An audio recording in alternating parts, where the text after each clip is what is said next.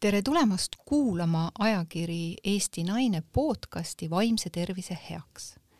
mina olen Rita Rätsep ja olen tänase saate juht. värske stressiuuring näitab, et täiskasvanud elanike vaimse tervise seisund on märkimisväärselt halvenenud. võrreldes näiteks kahe tuhande neljateistkümnenda aastaga on vaimse tervise muresid raporteeritud kaks pool kuni kolm korda isegi rohkem inimesi vaevab ärevus, kurnatus, depressioon ja depressiooni risk on kasvanud suisa väidetavalt siis nelikümmend kuus protsenti. ja lausa kolmandikul täisealisest elanikkonnast on olemas stressikogemus. ma olen palunud täna stuudiosse selle teema lahti võtma, arutama meie Äh, Eestimaa sotsiaalkaitseministri Signe Riisalu. tere, Signe! tervist, Rita! väga tore, et said, said siia saatesse tulla, me oleme selles saates hästi palju just rääkinud selliseid vaimse tervise teemasid, kuidas inimene saaks iseennast aidata, meil on käinud siin erinevad terapeudid, et inimesed leiaksid äh, endale sobivad äh, väljundid, sobivad inimesed, sobivad stiilid, et iseennast aidata äh, ja, ja, ja vaadata oma teemadele siis oma silmadega otsa aga täna me teeme natukene teistsuguse pilgu ja vaatame, vaatame seda nii-öelda riigi tasandil, et et kui ma lugesin praegu ette selle sama statistika, siis äh, kas sul on mingeid värskemaid uuringuid, täpsemaid uuringuid, äh, mis toimub meie Eestimaa inimeste vaimse tervisega täna, siin ja praegu? No jaa, aktsiaselts Turu-uuringute küsitluse järgi, mis on siis mai lõpu seisuga, on äh, stressi koha pealt äh, pilt üsna kurb. et stressis tõepoolest nooremad inimesed on rohkem ja ja viieteist kuni kahekümne neljanda, kahekümne nelja aastased on siis öelnud, et ähm, on tundnud stressi suurel või väga suurel määral, lausa siis viiekümne kolmel protsendil juhtudest. samal ajal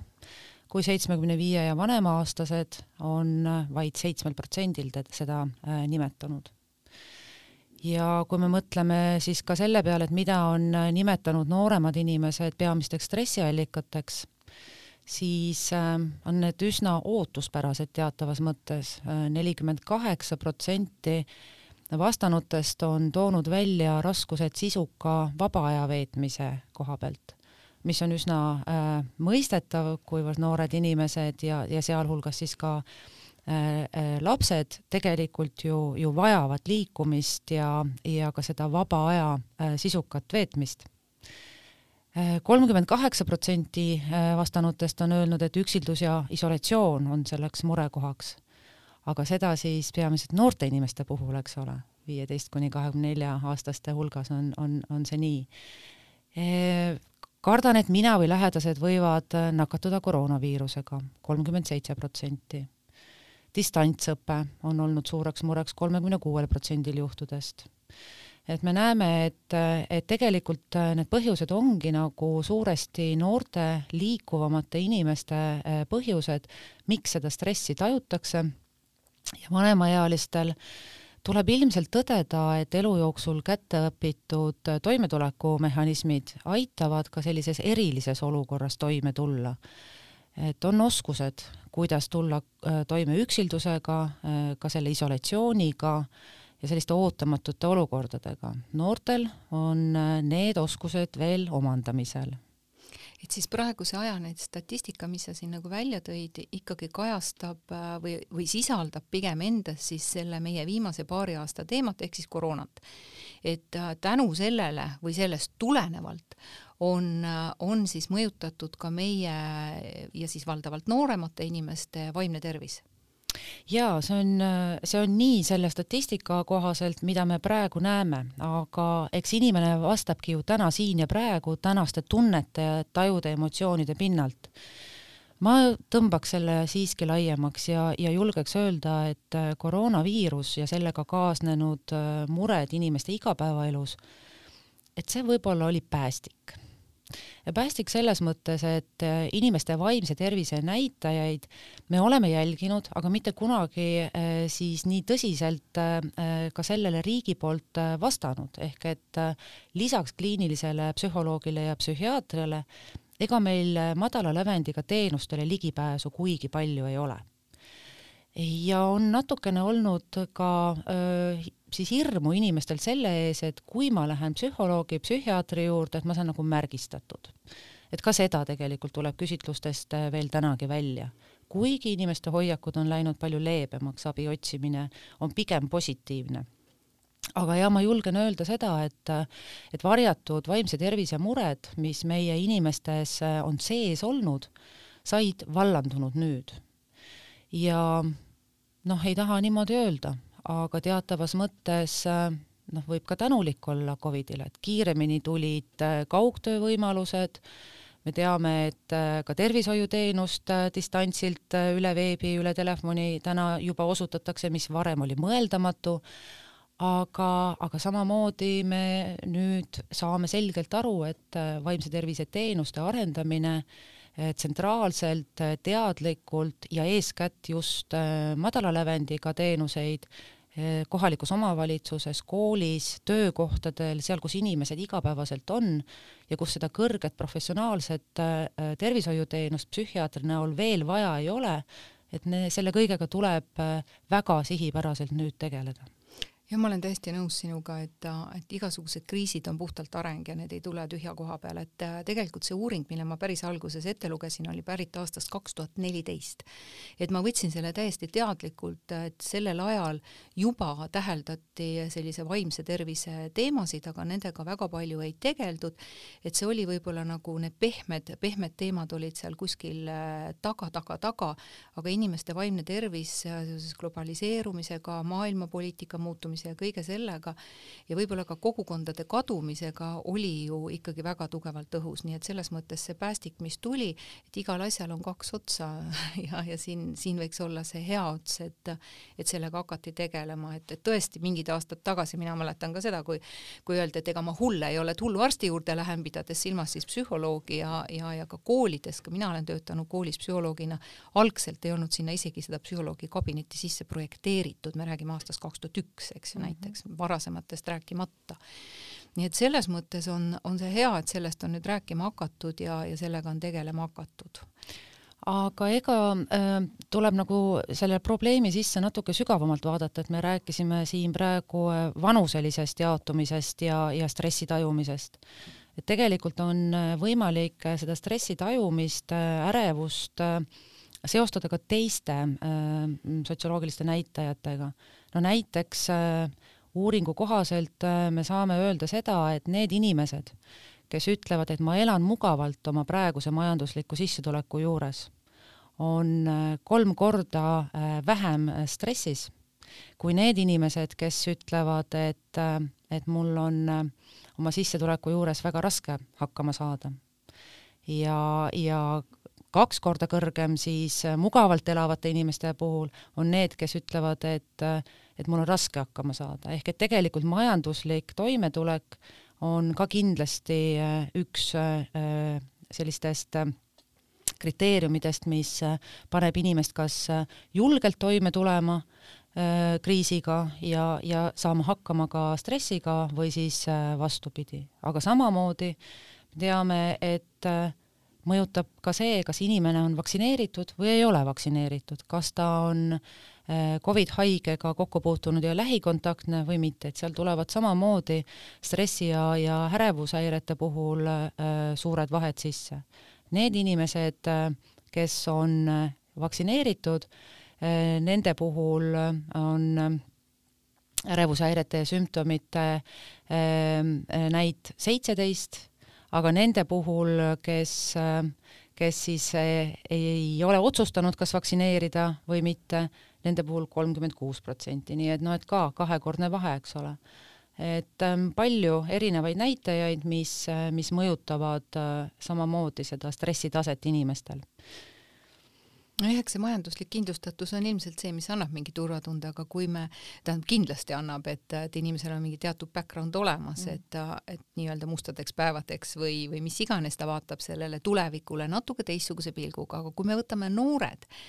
et ka mina äh, panin tähele oma vastuvõtus, kuna ma tegelen laste ja noortega ja, ja, ja ka täiskasvanutega, aga, aga see noorte osakaal seal kuskil kaksteist, kolmteist, neliteist, viisteist, kuusteist, eriti tüdrukute osakaal tohutult tõusis. Ja ma püüdsin ka aru saada, milles on asi ja, ja üks, üks, mis, mida võib siin välja tuua, on just nagu ka sa mainisid, see suhtlemine. Ehk see noor inimene, tema peegelneuronid vajavad tööd ja ta ei ole veel paigas, ta õpib alles iseennast tundma, iseendast aru saama ja see signaal, mille ta siis saadab eakaaslasele või kellelegi kaaslasele välja ja see peegeldus, mis talle tagasi tuleb, annab talle pildi, mingisuguse nurga, mingi visiooni jälle iseendast vanematel põlvkondadel on see pilt juba enam-vähem paigas, et seda nagu ära ei muuda, et tal on tunduvalt rahulikum, eks, sellega toime tulla, aga ma täheldasin, et ka päris palju vanemad, vanemad inimesed, kes olid siis jäänud üksi, sest et lapsed või lapselapsed ei julgenud vanavanemaid külastada, ka nendel oli see stressitase ikkagi kõrgem et noh, ta on mõjutanud meid päris palju, aga sina oled sotsiaalkaitseminister. et mis asi see on, et sotsiaalset kaitset me vajaksime nagu kõik. Äh, üks asi on see, et ma teen ise midagi, et mul on kõik hästi ja, ja nii edasi, eks ju, et need olid võib-olla meie sellised varasemad saated, aga täna siin äh, on see, et mida saaks nagu riik teha ja kuidas mina saaksin otsida üles selle, kuidas siis selle riigi abi juurde pöörduda või millised kanalid on üldse olemas, et mida teeb sotsiaalkaitseminister, ta annab inimestele vist turvatunnet no ma loodan, et, et see nii on, et äh, Sotsiaalministeerium tervikuna ja tema allasutused seda turvatunnet äh, suudavad pakkuda oma igapäevase töö kaudu, kuigi kui äh, inimene sotsiaalteenuseid äh, tarbib või, või toetusi saab, vaevalt, et ta siis mõtleb, et selleks äh, on nüüd Sotsiaalministeerium või, või sotsiaalkaitseminister, tänu, tänu millele ta nendeni on jõudnud. me oleme harjunud teatava sellise sotsiaalkaitsega ja ja riigil on mitmeid ülesandeid sotsiaalkaitse valdkonnas kõik peretoetused näiteks, vanemahüvitised, lapsetoetused, äh, abivajavate laste äh, abistamise süsteem kohalikus omavalitsuses, äh, samamoodi puuetega ja erivajadustega laste abistamine, võrdsuspoliitikad, sooline võrdõiguslikkus, ligipääsetavuse küsimused, pensioniküsimused, et neid teemasid on portfellis päris, päris palju, mis kogumise tervikuna inimesele sellise sotsiaalse kindlustunde peaksid andma. ja sotsiaalse kindlustunde andmise äh, kontekstis, eks siis riigi ülesanne ongi äh, pakkuda inimesele abi ja tuge siis, kui inimene on jäänud vanaks, ei saa töötada, kui inimene on haige, ei saa töötada või kui inimesel on siis töövõime kaotus ja ta ei saa iseennast üleval pidada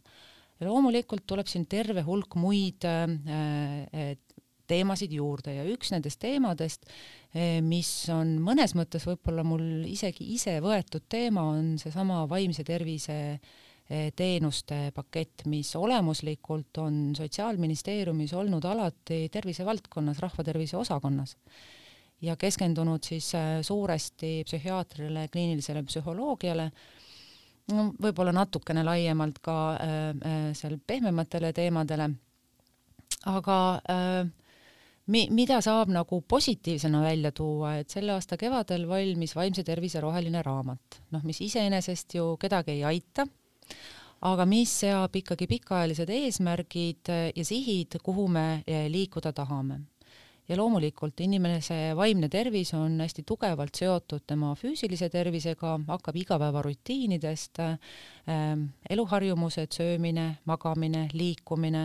et kõige selle jälgimine ja soodustamine, mis on selline kõige baasilisem ennetamine ja siis ka äh,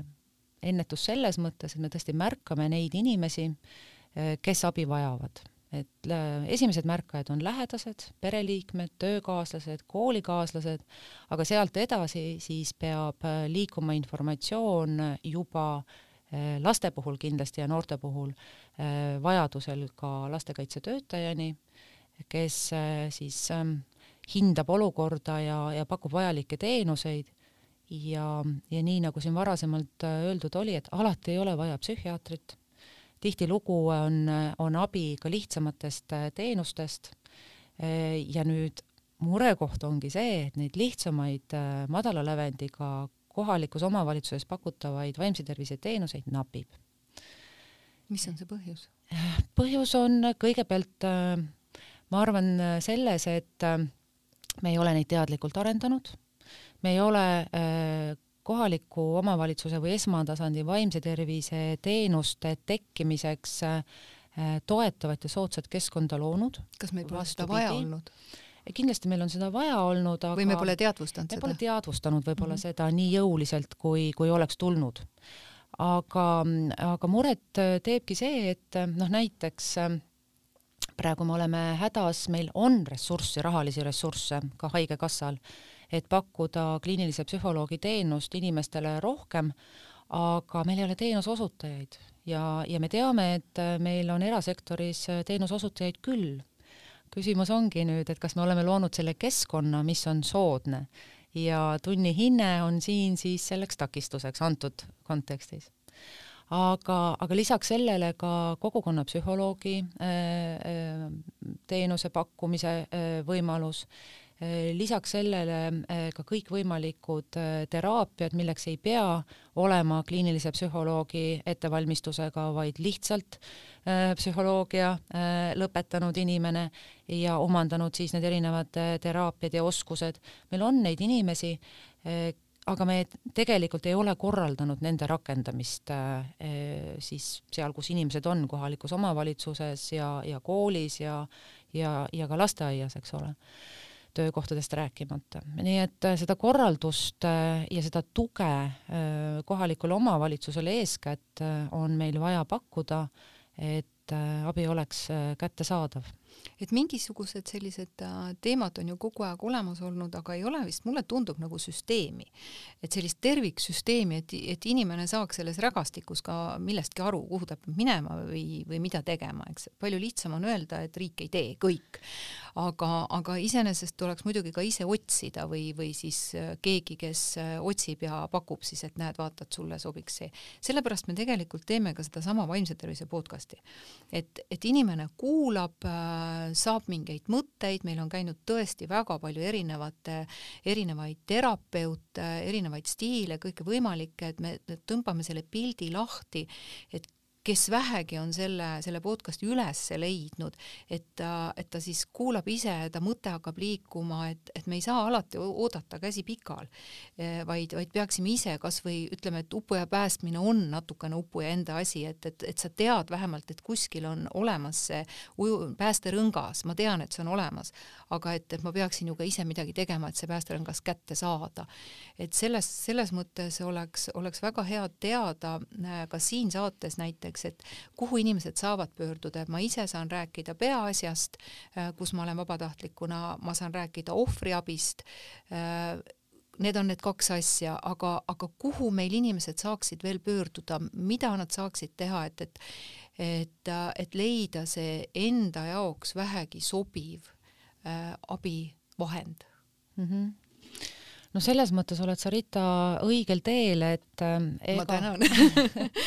Ja et ega, ega meil ei ole nagu äh, väga hästi ja selgepiiriliselt äh, paigas, et mis on need kohad, et äh, ainuüksi Sotsiaalkindlustusameti ohvriabi osakonnas on äh, üsna mitu erinevat telefoniliini ja, ja katsu sa siis vahet teha, kui sa päriselt abi vajad, et millisele telefoniliinile helistada ja kust ma siis seda abi saan, et ma eelmine niisugune selge info peaks olema ikkagi, ma eelmine jah? suvi olin ise nüüd astudes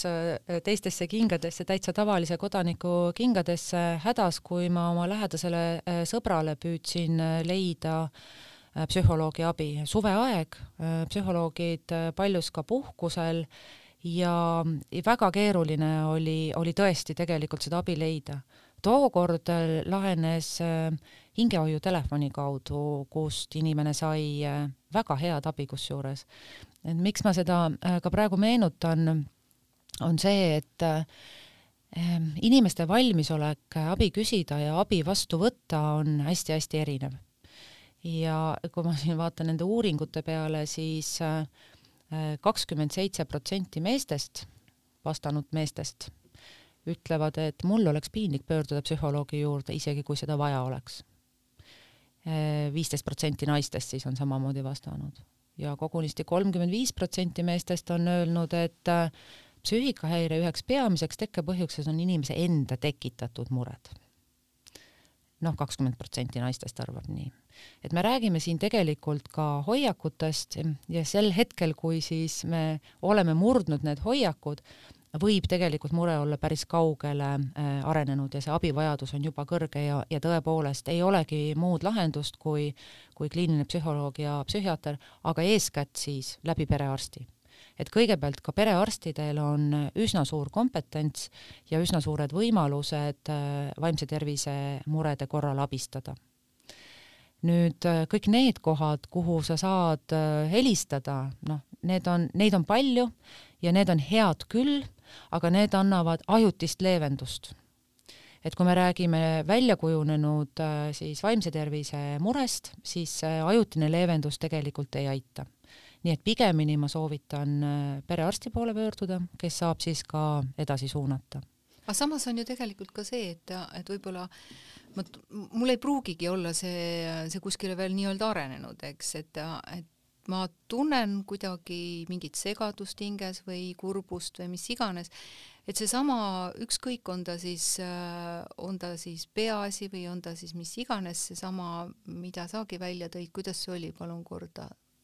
kuhu sa pöördusid suvel oma sõbra pärast? hingehoiutelefonile. hingehoiutelefonile, vot see on minu jaoks nagu jälle noh, minu teadmatuseks mm, -hmm. et vot, et peaksin ju ometi teadma. Aga, aga ma pöördun kuskile ja, ja näiteks peaasjas on meil viis korda võib inimene nagu siis äh, nii-öelda pöörduda, aga, aga me saame juba selle, inimestel on olemas kompetents, kes selle toru vastu võtavad seal teisel pool, ta kuulab ära selle inimese, et võib-olla see ongi ainult ühekordne, et, et saigi oma mure kaelast ära kellelegi võõrale inimesele räägitud ja, ja juba rääkides hakkas tema sees see energia tööle ja, ja, ja ta juba ise, aa jaa, ma tean, ma tean, mis ma tegema pean, eks. et ta saab nagu mõtteselguse. ma olen öelnud, et psühholoogid on mõttetuulutajad, et see, mul on uus ametinimetus, mõtete tuulutaja. et tõesti, me tuulutame need mõtted ära ja samas seal teisel pool on ka see kompetents olemas, et, et suunata ta kuhugi, anda seda infot, et, et vot nüüd sa pöördud sinna, nüüd sa pöördud sinna, nüüd sa lähed perearsti juurde, nüüd sa pead tegelikult mm, -hmm. nüüd on aeg minna äh, psühhiaatri juurde lausa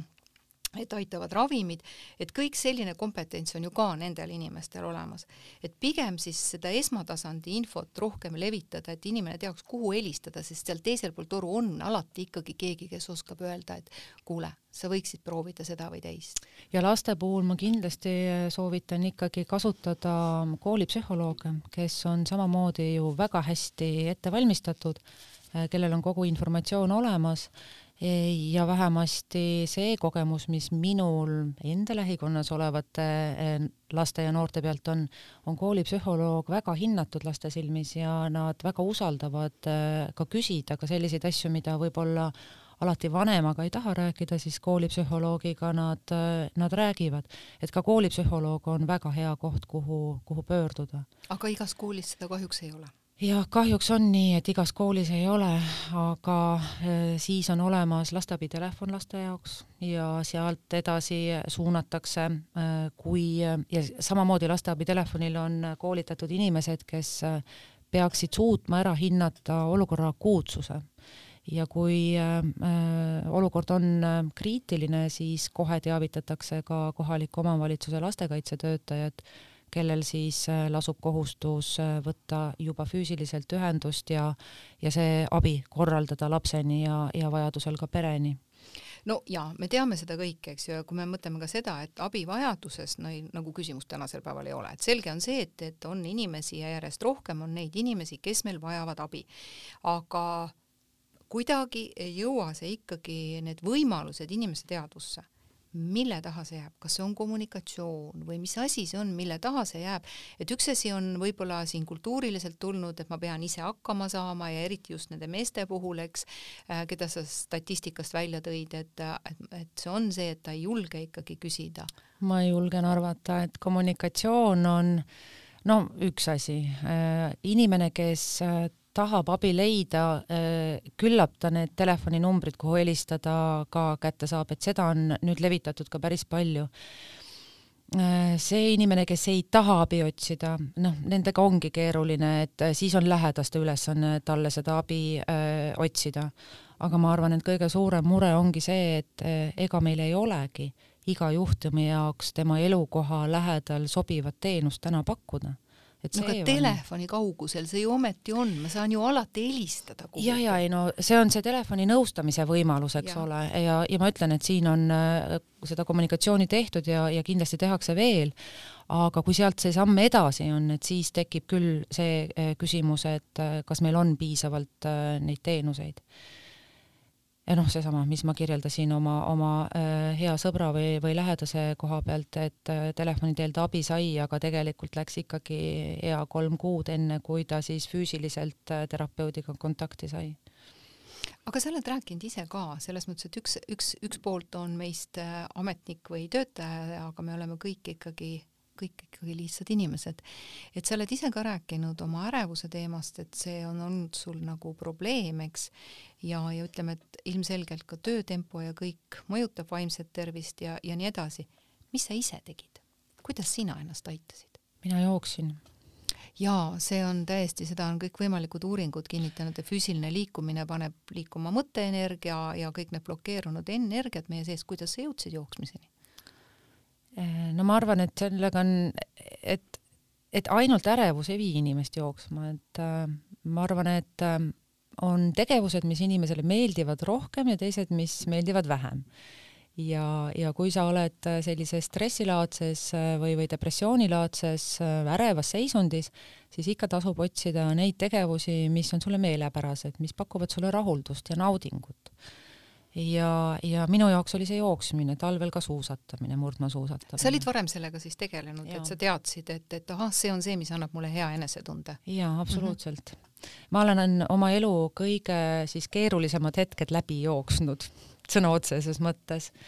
et, et see on minu jaoks lahendus olnud, aga mitte ainult, et ma olen professionaalset abi ka otsinud depressiooni korral, aga depressiooni ravi vot ma ei tea, kuidas nüüd äh, arstid sellele reageerivad, aga ma jätsin tegelikult äh, tablettide või medikamentoorse ravi äh, siiski pooleli ja, ja siis jooksin sellest depressioonist eemale. Aga eks see ongi igaühe enda sisetunde teema, eks ju, et, et me ei saa nüüd öelda, et see aitab või see ei aita, et, et oluline on see, et kuidas sina nagu selleni jõudsid ja kuidas sa jõudsid, et sa said aru, et, et jooksmine on see, mis sind aitab et ma saan aru, et, et midagi, mis meile on kunagi meeldinud, hakata seda tegema, mis sulle kunagi on meeldinud, mis sind on kunagi aidanud. Ja ilmselgelt ei ole see, et ahah, mind aitas üks klaas veini, et hakkan nüüd veini jooma või see tükike šokolaadi või ületöötamine või ülesportimine, vaid just see, mis annab selle teatud enesetunde, aga selle hea enesetunde, sellest üksi ei piisa, aga sina otsisid äh, psühholoogi abi et need asjad tuleb lahti joosta, aga ka lahti rääkida. jaa, sellepärast et ma olen täiesti veendunud, et äh, üks asi on äh, sümptomite ravi ja teine on äh, põhjustega tegelemine. E, ja kui antidepressandid või ärevust maandavad medikamendid aitavad sul hetkel toime tulla, siis risk, et, et see kõik kordub, on üsna kõrge. ja, ja sellepärast ma tõepoolest püüdsin nii iseenda seest vastuseid äh, otsida ja siis ka äh, professionaalset abi saada, et äh, et leida, leida üles siis need tegelikud äh, põhjused ja, ja tegeleda nendega. Need, need on pikad protsessid ja ega see protsess saab alguse äh, psühholoogi juures äh, vestlustel, aga aga see ongi algus, et see käi-, on sinus käivitatud ja see see käib nagu sinuga hilisema elu kaasas, ega see pole kuskile maha jäänud, ega sa ei muuda seda, mis sinu elus on juhtunud või, või kuidas sa oled tundnud. Eh, küll sa saad muuta suhtumist sellesse ja, ja sellega tegeled sa ju igapäevaselt. minevikku ära ei kustuta, see, see saadab meid, aga me saame sellele minevikule anda uue tähenduse jaa, sellega ma olen äh, täiesti nõus ja, ja ka see, mida me saame ka ümber hinnata asju, need asjad, mida me oleme näinud negatiivsena, me võime näha neid vähemalt neutraalsena. ja ka see on juba, juba pool võitu. ja noh, teine pool, mida, mida ma olen oma teises äh, väga olulises rollis enda jaoks äh, äh tähtsaks pidanud äh, lapsevanema rollis siis, et ma päriselt arvan, et äh, lapsevanematel on väga suur mõju oma laste tulevikule. et me kujuneme ikkagi varases lapsepõlves, äh, seesama minapilt, millest siin päris saate alguses juttu oli, ähm, see eneseusaldus ja, ja tahtejõud, ähm, seda saavad lapsevanemad väga palju kaasa aidata, et see kõik lapses oleks positiivsel moel olemas et äh, on vanemaid, kes on hirmranged, mis pärsib siis äh, seda lapse minapildi kujunemist, võib tekitada valetamist või varjamist, eks ole. aga on ka neid vanemaid, kes on liiga lubavad. ja mis minu meelest ka kõige hullem on see, et kui vanem on äärmiselt heitlik või ambivalentne oma käitumises, lapse jaoks on oluline see, et äh, sarnases olukorras on vanema poolt sarnased reaktsioonid. See annab äh, turvatunde, stabiilsuse ja ka arusaama, et tema käitub õigesti, sest see tulemus on, on samas situatsioonis samasugune, eks ole. ja see vanema roll on äh, midagi, mida, mida ma järjest enam siis lapsevanemana olen teadvustanud, et mul on kaks last, kolmkümmend ja kolmteist, et ilmselgelt selle kolmekümnese lapse kasvatamise ajal ma nii tark veel ei olnud, aga kolmeteistkümne aastase lapse puhul on seda tarkust juba natukene kogunenud ja, ja teadmisi ka. mind näiteks on hästi palju aidanud Jesper Juuli raamatud,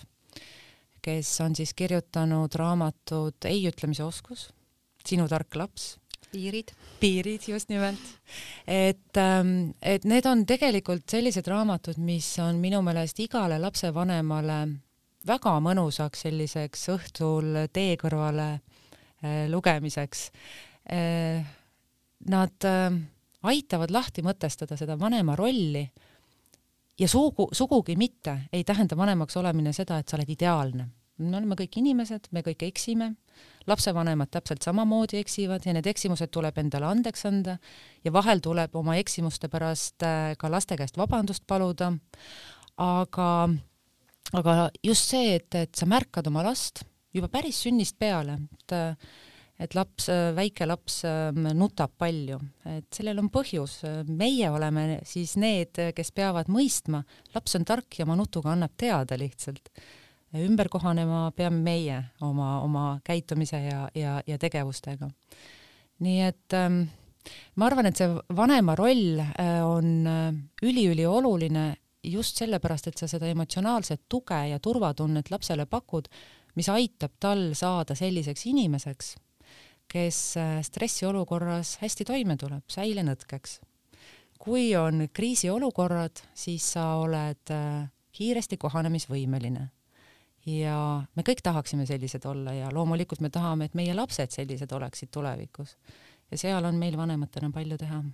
küll on hea, et sa selle välja tõid, sest see on see töö, mida mina näiteks kogu aeg teen, eks ju, ja kaasa arvatud Jesper Juuli raamatute soovitamine. E, loomulikult saab kõik alguse lapsepõlvest, sellest keskkonnast ja, ja me tahaksime ju kõik e, et meie lapsed oleksid õnnelikud ja tulevikus nad saaksid võimalikult tugevate tiibadega oma lendu lennata aga, aga paraku meil kõigil ei ole seda oskust ja ressurssi ja, ja siin, siin on see, et, et see laps, meie järeltulija, me oskame talle teha täpselt sellised lapsepõlve, anda talle täpselt selliseid äh, oskusi ja toimetuleku äh, võimalusi ja kõike muud äh,, täpselt nii palju, kui sel vanemal on ressurssi. keegi ei tee meelega halvasti, mitte kunagi. et tal lihtsalt ei ole rohkem oskusi ja rohkem ressurssi mis iganes mõttes, on see majanduslik või on see vaimne. et, et siis me peaksime siin äh, nii-öelda riigi tasandil äh,, kaaskodaniku tasandil äh,, professionaali tasandil mõtlema selle peale, et kuidas seesama lapsevanem tunneks ennast turvaliselt, et tema ei oleks katki ja ei toodaks nii-öelda seda katkist ühiskonda edasi, sest et äh, üsna tihtigi tulevad ju katkised lapsed katkisest perekonnast, mitte alati, aga üsna tihti on see, et selle vanema toimetulek on kehva. et sa tõid ilusti nagu välja selle, et kui su oma toimetulek paranes, siis sa said ka tegelikult teadvustada, et sa oled vastutav oma laste eest ja juba see annab impulsi iseendaga rohkem tegeleda, just see vastutuse koht, mõtlesid sa seda ka? jaa, kindlasti, aga noh, siin nüüd ma lähen äh, jälle sellest isiklikust rollist natukene välja, et eh, meil on üsna pikka aega per-, Kordoni perekooli eh, koolitusi pakutud ja, ja nüüd tegelikult eh, ka imeliste aastate koolitust lapsevanematele ja me loodame seda järjest rohkem ja rohkem pakkuda. Ja see selles mõttes on äh, minu meelest äärmiselt positiivne, et ühtepidi koondab see neid vanemaid, kes on huvitatud äh, ja motiveeritud äh, rohkem mõistma lapsevanema rolli ja, ja ka neid väikseid nippe ja oskusi õppima, aga teise poole pealt on seal ka neid vanemaid, keda siis tõepoolest on võib-olla soovitanud koolitusel osaleda lastekaitsetöötaja ja et ka äh, siis nende teiste motiveeritud lapsevanemate kõrvalt õppida lapsevanemaks olemist äh,. ja et ma olen täiesti veendunud, et vanemaks õpitakse õpitakse ja kasvatakse koos lapsega, seda on võimalik äh, kõrvalt õppida, seda peabki juurde õppima. Ja et ühiskonnal tervikuna on see nügimise äh, võimalus hästi suur. algab see koolist, kuidas me üleüldse õpetame siis äh, noori inimesi ette valmistama pereeluks, tulevaseks lapsevanema rolliks aga siis ka sealt edasi kõik need järgmised võimalused, et perekoolid ja beebikoolid ja, ja siis, kui see lapsuke juba sündinud on ja seal huvi on, siis ka need äh, vanemluse äh, koolitused, et ma arvan, et see on äh, vajalik, kasulik ja natukene võib-olla käib kaasas ka sellise uue ühiskonnaga, et tänapäeva vanemad, noored vanemad on hästi äh, hästi motiveeritud ennast arendama ja väga palju on võimalik ka kätte saada internetist informatsiooni, kui on huvi jah, eks sealt tuleb igasugu asju. Sealt tuleb kriitiline mõtlemine on see muidugi, mida tuleks eelkõige koolis õpetada. just nimelt et.... allikas ja allikatõe jah, jah, et ei saa pimesi minna millegi järele, et, et pigem, pigem on see, et ei ole see, et ma loen sealt ja teen täpselt nii, nagu seal kirjas oli, vaid peab olema tõesti seda iseseisvat mõtlemist ka sealjuures et seda teadlikkust, et äh, kõik need teemad on ju kogu aeg olnud õhus ja neid asju ei õpetata kahjuks koolitusel ja kui mul on käinud näiteks töövarjupäeval äh, lapsed ja, ja ma olen sättinud siis nendel enam-vähem nii, et nad on saanud kuskile koolitusele tulla, siis nad just aastaid-aastaid on toonud selle välja, et miks meile koolis selliseid ja selliseid asju ei räägita. et mis on see, mida ma pean tegema, mis on see, mida ma tahan teha, kuidas ma mõtlen, kuidas ma reguleerin oma emotsioone, kuidas on minu sama kriitiline mõtlemine,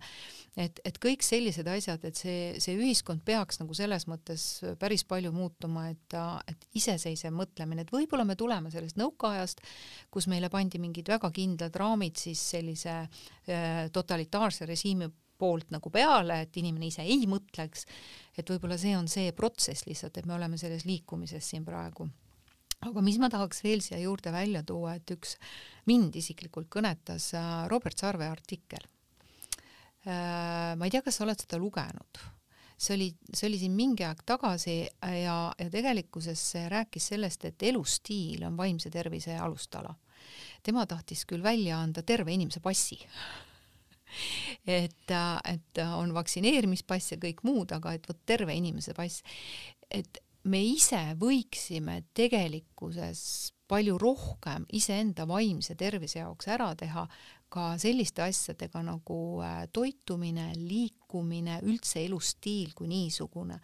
et me ei võta ikkagi vastutust iseenda eest, et vaata kas või linnapilti, kui palju on tekkinud ülekaalulisi lapsi, kui palju on tekkinud ülekaalulisi noori, ma arvan, et meil on väga palju tulnud sisse lääne ühiskond oma elustiilihaigustega.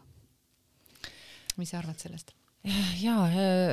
eks see kõik ongi, ongi tõsi ja ega meie enda tervis on ju eeskätt meie enda kätes noh, läheme abi, noh, ükskõik mis tervisehäda puhul, abi otsima siis, kui on häda käes või kui on diagnoos, mida ravida, eks ole. ja, ja see noh, elustiil on vaieldamatult midagi, mis determineerib meie tervise, nii füüsilise kui, kui vaimse tervise. eeskätt, eeskätt ikkagi füüsilise, aga mõjutab ta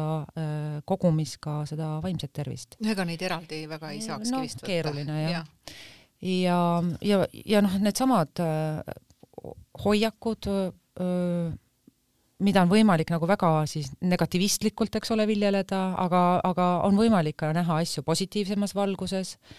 ja kindlasti kõik see, mis puudutab äh, liikumine, söömine, uni, et seda on ju korrutatud terve see Covidi aeg, aga mitte ainult, ja ka laste kasvatamise puhul, eks ole, et, et millele vanemad peaksid tähelepanu pöörama, on, on äh, korralik ööuni, äh, tervislik toitumine ja, ja siis vajalik liikumine, et see tagab äh, tervise ja see toetab ikkagi väga-väga ka seda vaimset tervist. aga muidugi ma olen nõus, et et on palju muutunud ja, ja eks neid põhjuseid ju võib siit ja sealt otsida, et kui me Nõukogude ajast tulles, meil oli korraldatud ju kõik, mis puudutas äh, kas siis koolis neid äh, to toitumisi, kuigi ka praegu, vot Eesti on üks väheseid riike, kus äh, soe koolilõuna on igale õpilasele, et ma ei teagi, kas mõni selline riik veel olemas on. aga ka liikumine ja, ja kõik selle, selle oli nagu kättesaadavam mõnes mõttes või kuidagi loomulikum elu osa, aga valikuid oli vähem muidugi, et see ka aitas nagu püsida nende baasväärtuste juures et praegu on see mõnevõrra keerulisem, aga jällegi, et kui me räägime, räägime lastest, kus sa lood neid harjumusi, siis mina näen siin väga suurt vanema rolli, et inimesed muretsevad, et et laps on liiga palju arvutis. kui teismeline on liiga palju arvutis, siis ongi keeruline midagi teha, sest need harjumused, et arvuti kõrvalt ka trennis käiakse või vanemaga koos jooksmas, jalutamas, rattaga sõitmas, suusatamas, ujumas, veel midagi, et see aeg on siis mööda läinud, et need harjumused tuleb palju-palju varem tegelikult äh, koos lapsega paika saada, ma pole kummagi lapse puhul äh, keelanud äh, arvutis või, või, või varasemalt ka televiisori ääres olemist, sest meil olid alternatiivid, mida teha koos. ja uskuge mind, laps eelistab alati vanemaga koos midagi aktiivset teha, kui et istuda arvuti taga, et pakkuge ainult välja, aga pakkumisega ei tohi hiljaks jääda, et tõesti teismelisele on seda juba, kui ta pole harjunud, keerulisem pakkuda. sama no, sama on toitumisega, et, et ähm, ma ikka nagu aeg-ajalt sekkun, kui ma kuulen kuskil äh, sööklas või, või restoranis lapse käest, siis küsitakse, et kas sa salatit soovid või siis ma sekkun, ütlen, et ei, niimoodi lapse käest ei küsita, et lapse käest tuleks küsida, et, et kas soo-, soovid seda või toda salatit, et, et see ei ole üldse alternatiiv, et sa salati või supi söömata jätad. aga need on need pisikesed asjad ja, ja, ja nendega on võimalik äh, tegelikult mõjutada lapse käitumisharjumusi, liikumisharjumusi, toitumisharjumusi. Ja kui sa lapsega liigud, äh, uskuge, ta on õhtuks väsinud ja jääb magama ka õigel ajal. absoluutselt, kui see, see väike inimene, et mina selline tuntud äh, nutiseadmete selline äh, kasutam-, normaalse või, või teadliku kasutamise propageerija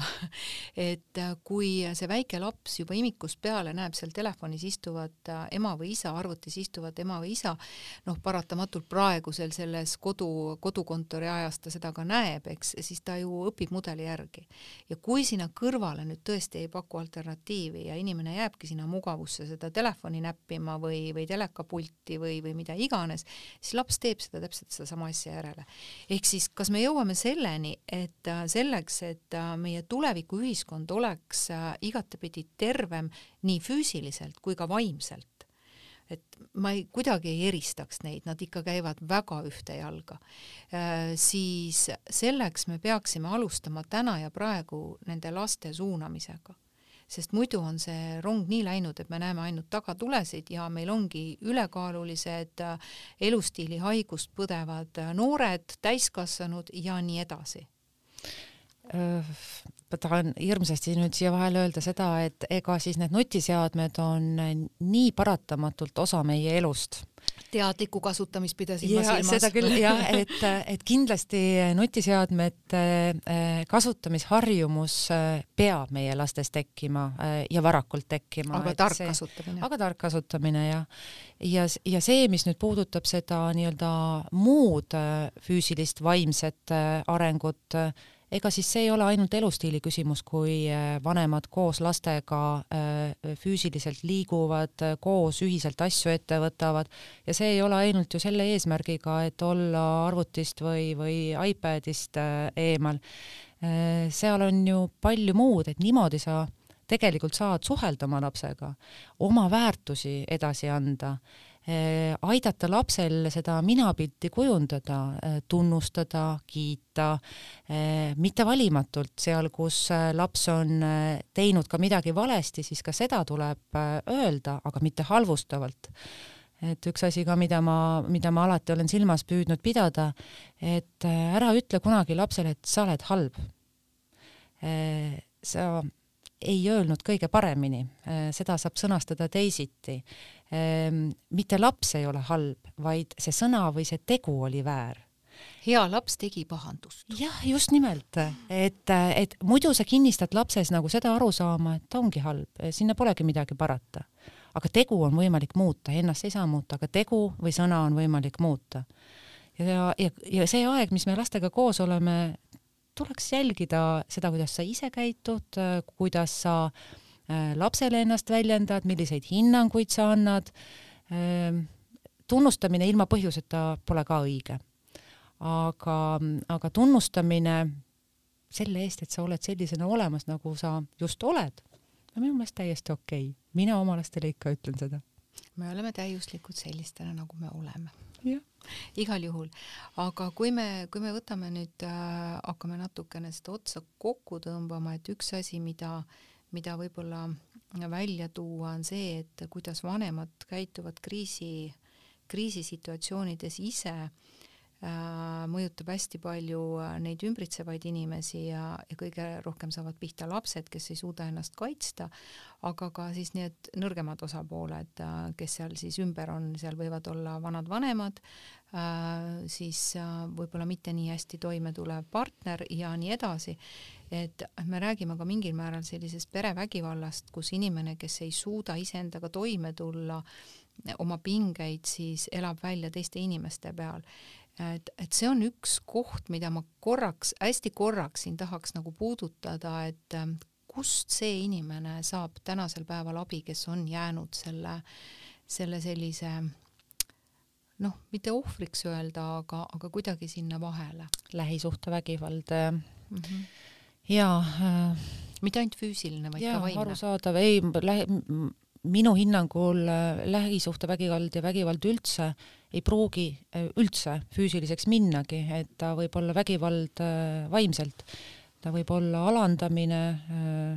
nimetamine, eks ole, kuidagi, ta võib olla piirangute seadmine, kontrollimine, et seda kõike on ju, ju erineval moel. Aga ma tahan siin ka öelda, et nii nagu vaimse tervise muredega, et nad on kuskil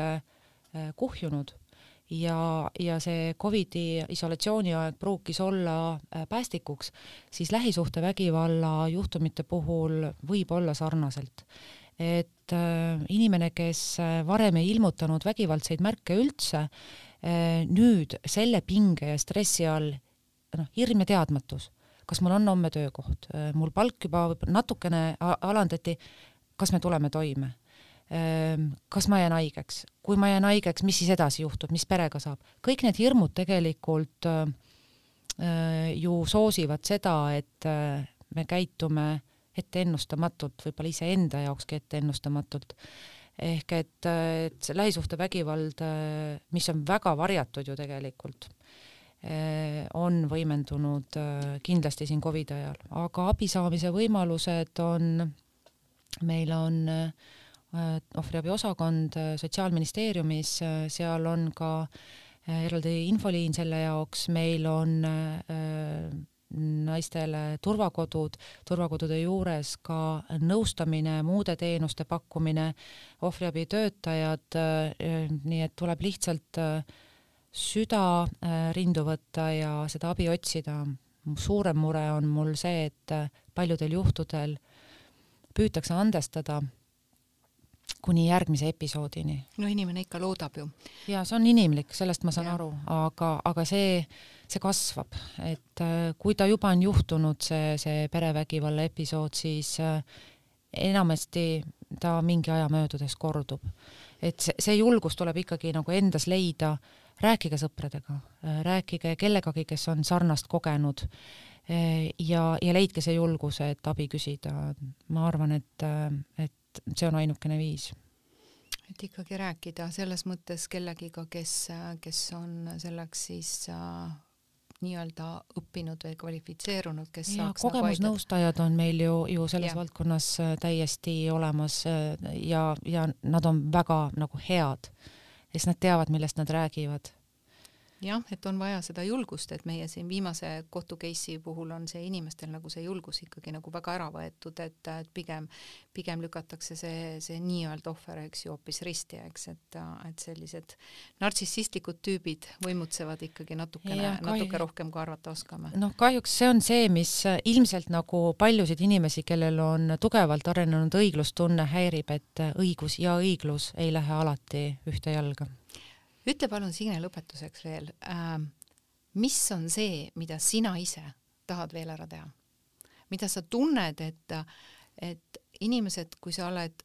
nii-öelda sotsiaalse kaitse minister, et see tähendab seda, et sa kaitsed inimesi, kes vajavad sotsiaalset kaitset, et sa oled, sa oled üks nendest, kes seda koordineerib, sul on süsteem, sul on inimesed, kes sind aitavad, nii edasi. mis on sinu hinge peal? Mida sa tunned, et vot siin on see nõrk koht, see on see, mis vajab meil veel tugevdamist. üks asi, mis sul on? pikaajaline hooldus, vanemaealiste ja erivajadustega inimeste hoolekanne, alates siis äh, koduteenustest, äh, ka pereliikmetest, kes on hooldajad, nende toetamine, kuni äh, siis asutuse teenusteni välja, kogu see korraldus ja rahastus kas me ei võiks kasutada mõne muu äh, riigi sellist head kogemust, et näiteks ma toon välja Austraalia kogemuse, kus äh, kus on selline ligimese armastus siin paigas, et inimesed, kes on, äh, kes ei tule toime, vanemaealistest räägime praegu, või siis, või siis tõesti ka nendest, kes vajavad siis, nooremad vajavad, vajavad sellist abi või toetust, et kas siis ravimite järgi minna, süüa tuua, mida iganes, ja tal puudub see sotsiaalne võrgustik võib-olla seal, et teine vanem inimene, kes on tegusam, kes läheb autorooli, kes toimetab, et, et kogu see kogukondlik teema hakkab tööle, et seal on see, see inimene, kes on võib-olla seal kuuskümmend või seitsekümmend pluss ja on hästi tegus, temal on ka vaja ju väljundit ja siis tema läheb mitte nii võib-olla veel toime, enam toime tuleva inimese eest siis sinna poodi või siis neid ravimeid tooma või läheb, räägib temaga juttu, et toimub nagu selline ligimese aitamine. kas eestlane ei ole selline inimene lihtsalt? ei, ma arvan, et eestlane on ikka selline inimene ja eks seda nagu toimib ka ja seda on ka võimalik arendada ja parendada, et, et selle asja nimi on ka eh, kogukonna sotsiaaltöö, eh, mille, mille arendamine on kindlasti üks eesmärkidest just ähm, hiljuti kohtusin Eesti Sotsiaaltöötajate Assotsiatsiooniga, kus me arutasime, kuidas parandada sedasama kogukonna sotsiaaltööd et äh, anda ka nendele inimestele nii-öelda roll ja, ja, ja vajalikkus siin ühiskonnas, äh, kes veel jäksavad, aga tööturul võib-olla enam päriselt ei ole. aga äh, see on väike osa, sest see abi, mida me tegelikult peame inimestele korraldama riigina, on palju ulatuslikum, palju spetsiifilisem, me räägime hooldusvajadusest siiski, mis tähendab siis järelevalvet ühe külje pealt, aga ka erinevate hooldus- hooldustoimingute läbiviimist, kus on vaja eh, koolitust, oskusi, mitte ainult ravimi toomine, mitte ainult hea sõna ja vestlemine, seda ma soovitan küll kõigile, et rääkige üksteisega, pakkuge seda head sõna, tooge see piimapakk või lei-, või, või, või leivapets poest ära ja, ja vajadusel ravimid apteegist, aga riigi ülesanne on palju laiem ikka. no selge see jah, see hea sõna võib-olla mõnikord nii hea, et, et ei olegi vaja psühhiaatri juurde minna. aga ma saan aru, et see tööpõld on väga suur, et üks asi on see, mis võtaks praegu kokku selle äh, nii palju, kui meie head kuulajad said hästi palju erinevat infot siit, et üks asi on see, et ma ise tunnetaksin ära äh,, mida saan mina ära teha äh,. ise tunnetaksin ära selle, et nüüd on mul vaja kuskilt abi küsida ja, ja tunnetada ära ka see, et minu kaaslane või on see töökaaslane, on see sugulane, on see pereliige, et ta vajab kas kaitset või abi, et me märkaksime teist inimest ja märkaksime iseennast. ja oskaksime seda abi küsida, üles otsida, et äh, sina teed oma tööd, et see, et see info liiguks ja kõik muud sellised asjad, aga et inimene ise teeks ka selle sammu ja siis saab see inimene, see tavakodanik ja riik kokku ja siis meil on kõigil hea olla. ja ma võib-olla lõpetuseks lihtsalt tahan öelda seda, et äh, kõigepealt iseennast tuleb hoida ja iseennast tuleb väärtustada, siis jagub meid ka märkama teisi ja teisi aitama. aitäh sulle, Signe, et tulid aitäh, meie armsad kuulajad, et te meid kuulasite ja ma loodan, et te saite ka siit endale palju mõtteid, mida edasi mõelda ja kuidas edasi tegutseda. mina tänan, Rita, sind selle meeldiva tunnikese eest. aitäh, kõike head kõikidele.